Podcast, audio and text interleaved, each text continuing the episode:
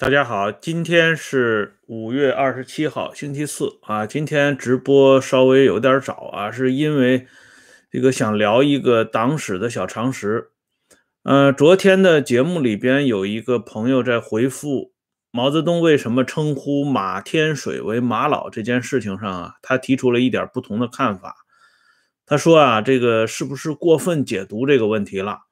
毛泽东管马天水叫马老，可能就是这么随意啊称呼一下，就像这个夏衍呢，被人称之为夏公啊，周恩来呢还专门问一下夏公是什么样的来历，等等啊，举了这么两个例子，我觉得这个呃朋友呢提的这个看法很好啊，就是说咱们这个节目啊要有争鸣啊，没有争鸣。就没有进步，而且呢，道理是越辩越清楚，越辩越明白。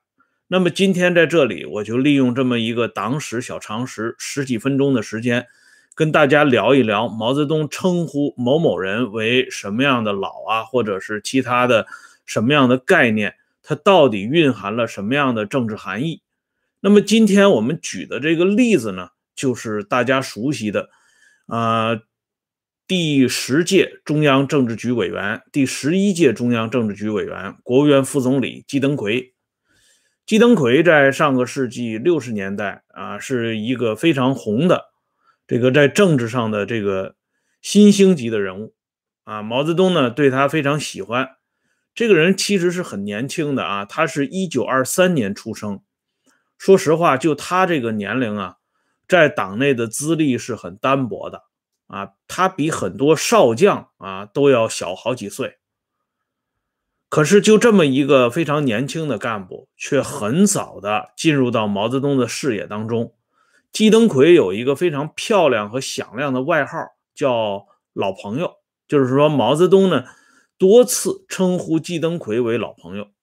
所以昨天咱们这个网友就提出来了，他说：“你看，毛泽东称呼季登奎老朋友。”那也不代表着毛泽东跟季登奎真的是老朋友。这样讲的话呢，我们就有必要把毛泽东同季登奎之间的渊源做一个简单扼要的介绍。从这里呢，大家就可以看到，伟大领袖称呼谁，那不是随性而来的，不是性之所至啊。当然，不排除在非常偶然的情况下啊，有那种这个心血来潮的时候，但多数情况下。对这种政坛上的大小人物的称呼，伟大领袖的选择性是非常明确的。季登奎是在一九五一年啊，他当时还不到三十岁，二十八岁啊，第一次见到毛泽东。那个时候，季登奎还是在许昌，河南省许昌地委担任副书记。但这一次呢，毛泽东听人家说啊，当地呢有一个年轻的小干部，非常能干。于是呢，毛泽东就把他找来谈了一次话。就这一次谈话，季登奎给毛泽东留下了极深刻的印象。说实话呀，季登奎去世的比较早啊，没有赶上这个写回忆录的这个大大波浪。结果呢，他就没有留下更多的口述资料。季登奎本人在接受王灵书先生采访的时候，他是提到了。他说，当时毛泽东跟他谈了一次话，啊，谈了这次话之后，季登奎说，以后毛泽东每一次到河南，都要把他叫到，就是把季登奎叫到专列上谈话。这说明呢，毛泽东同季登奎之间的这个谈话，给毛留下的印象是非常深刻的。季登奎这个人在毛泽东的心目当中，开始有了一点地位了。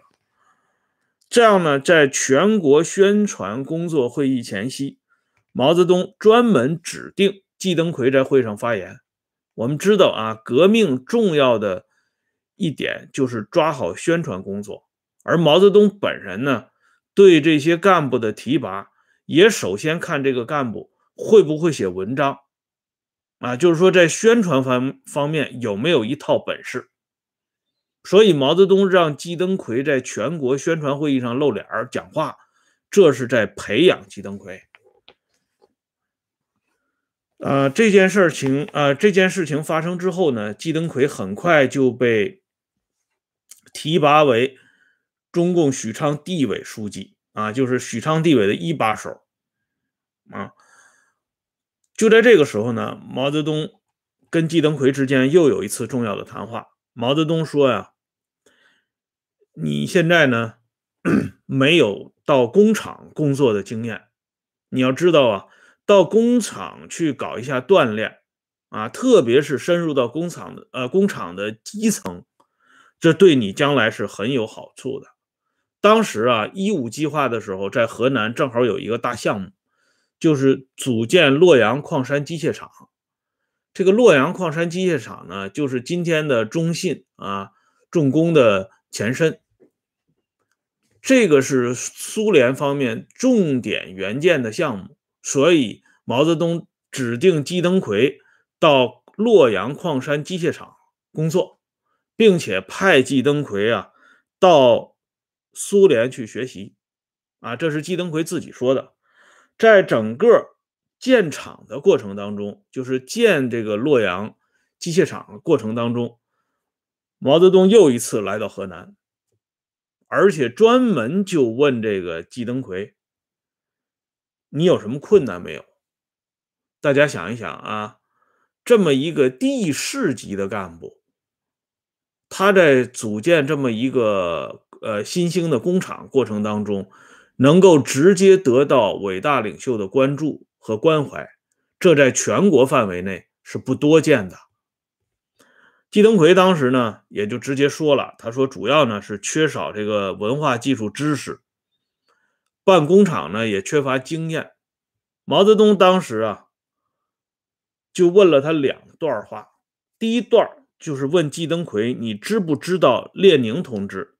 在十月革命之后，关于党如何进行社会主义经济建设的一个很有名的论述，季登奎马上就说出来了，毛泽东就很满意。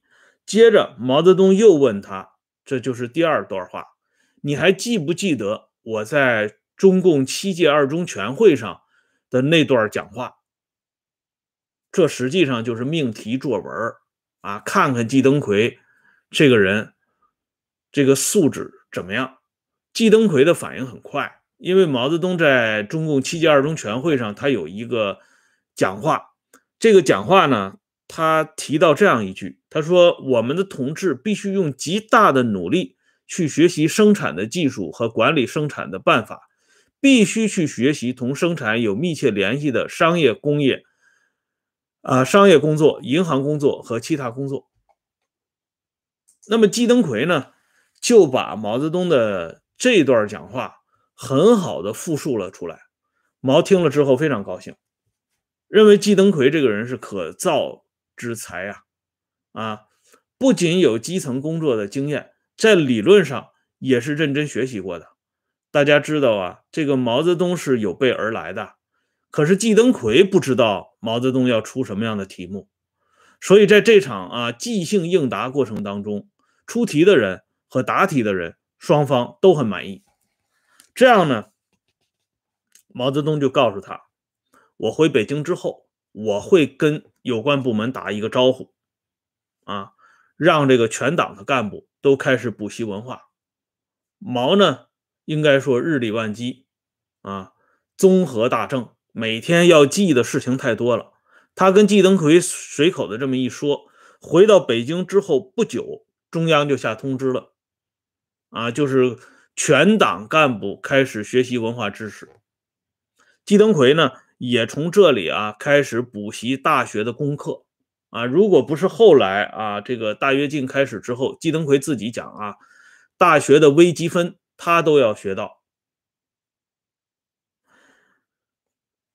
在这之后呢，毛泽东就把季登奎逐渐给提拔了起来。季登奎先是到河南省委担任省委秘书长，后来呢，呃，又升格为河南省委书记处候补书记，兼任河南省商丘地委第一书记。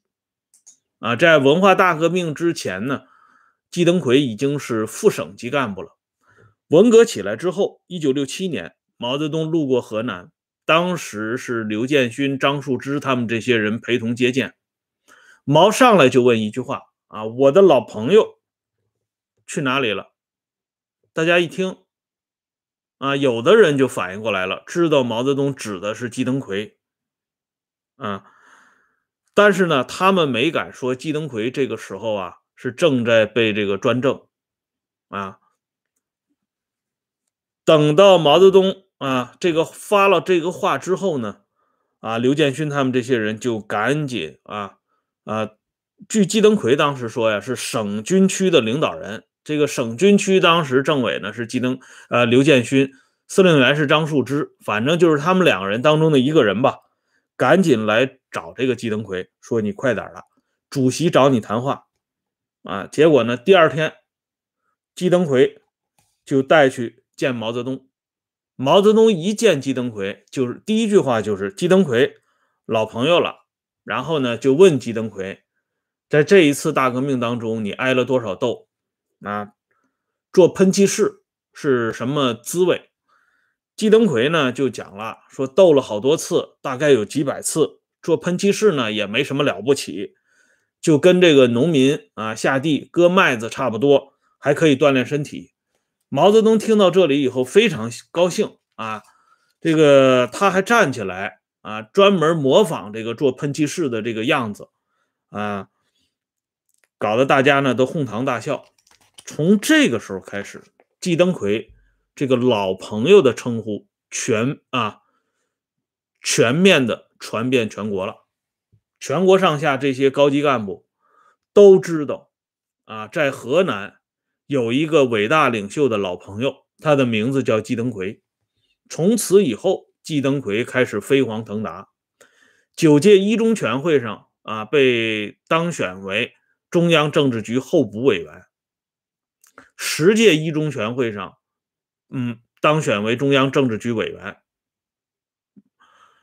而且呢，他在呃毛的后期啊，他和汪东兴两个人直接负责中央专案工作，把这个专案工作呢从周恩来和康生手中呢拿了过来。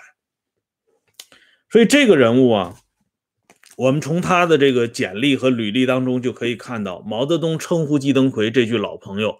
可不是随随便便的，哎，从一九五一年第一次见到季登奎，到一九六九年季登奎跻身中央领导集体，这个长达十八年的时间当中，毛泽东是不断观察、注意、培养、关怀季登奎的。季登奎的每一步成长都有伟大领袖的扶持，所以这个老朋友绝非浪得虚名。那么咱们这位网友呢，还提出来，周恩来称呼就是询问夏衍，你这个夏公啊是怎么来的？咱们这位朋友啊提到的这段记载，我是没有看到啊。这里呢，我们就咱们这位朋友他自己啊说的这段话，我来做一下简单的解读。因为我的节目里边是提到了周恩来专门询问马天水。你为什么叫马老？你明明比我小这么多岁，结果你其实周的这个解读呢，也是别有深意的啊。这个网友说我解读过分，其实我认为我解读的不过分。咱们就说周恩来和夏衍，周恩来和夏衍之间是一个什么样的关系呢？我们知道啊，周恩来这个人呢，在历史上对自己系统的啊，就是说跟自己长期工作过的这些。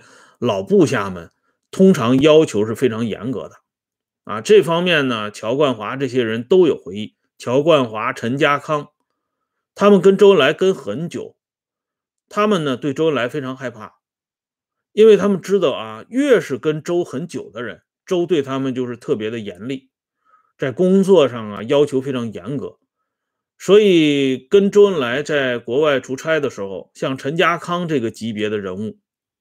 晚上啊，困得不得了的时候，都不敢直接跟周恩来打招呼请假，怕被周恩来训一顿。他都是转耳啊，托这个何方，因为何方是张闻天的秘书嘛，托何方跟周恩来打招呼，自己呢提前就溜掉了啊，去睡觉去了。那乔冠华呢，始终被周恩来压制，提不上去。乔冠华在背后呢，也向张闻天的秘书何方抱怨过。这都是何方老人后来在回忆录里边提到的。那夏衍这个人当然也不例外啊。周恩来呢跟他之间的关系就不用说了。然而呢，就是在周恩来这么长时间的政治生涯当中，我们知道周是很少出面保人的啊。呃，某些人，特别是在他手下工作过的那些人，遭到了政治上的困境的时候，周是很少伸出援手的。但是夏衍是个例外啊。当年呢，这个潘汉年和胡风这两件事尤其是潘汉年这件事情，当时动静非常大。那个时候呢，上面已经把目光锁定在夏衍的身上了，就是要动夏衍了。但就在这个时候，周恩来出面拦了一下，啊，这是有历史记载的。如果周当时不替夏衍说这么一句话，夏衍就极有可能被牵连进去。啊，一向不怎么出面保人的周恩来，在这个时候居然为夏衍说了一句公道话，这样呢，夏衍被保护过关。要知道啊，在五十年代中期那个时候。如果一旦被搞掉之后，特别是像潘汉年这种案子，那可能就是很长一段时间抬不起头、翻不过身来啊！所以夏衍对周恩来夫妇终生感念啊。从这个例子里边，我们也可以看到周恩来与夏衍之间这种不俗的关系。那么，综合以上啊，毛呢与季登奎、周恩来与夏衍之间的关系，我们就可以知道。我在《党史杂谈》第五百零九期里边谈到马天水的称呼，以及周恩来辗转询问马天水称呼的来源，这个绝不是啊简简单单的所谓无风不起浪。好了，今天呢，咱们这个党史小常识呢就说到这里。这一期党史小常识呢，帮助大家了解这些伟大人物、重量级人物在称呼。一般意义上的政治人物上边的这种取舍，谢谢大家上来收看啊！欢迎大家关注“温相说时政”会员频道，周一到周五每天都有更新。再见。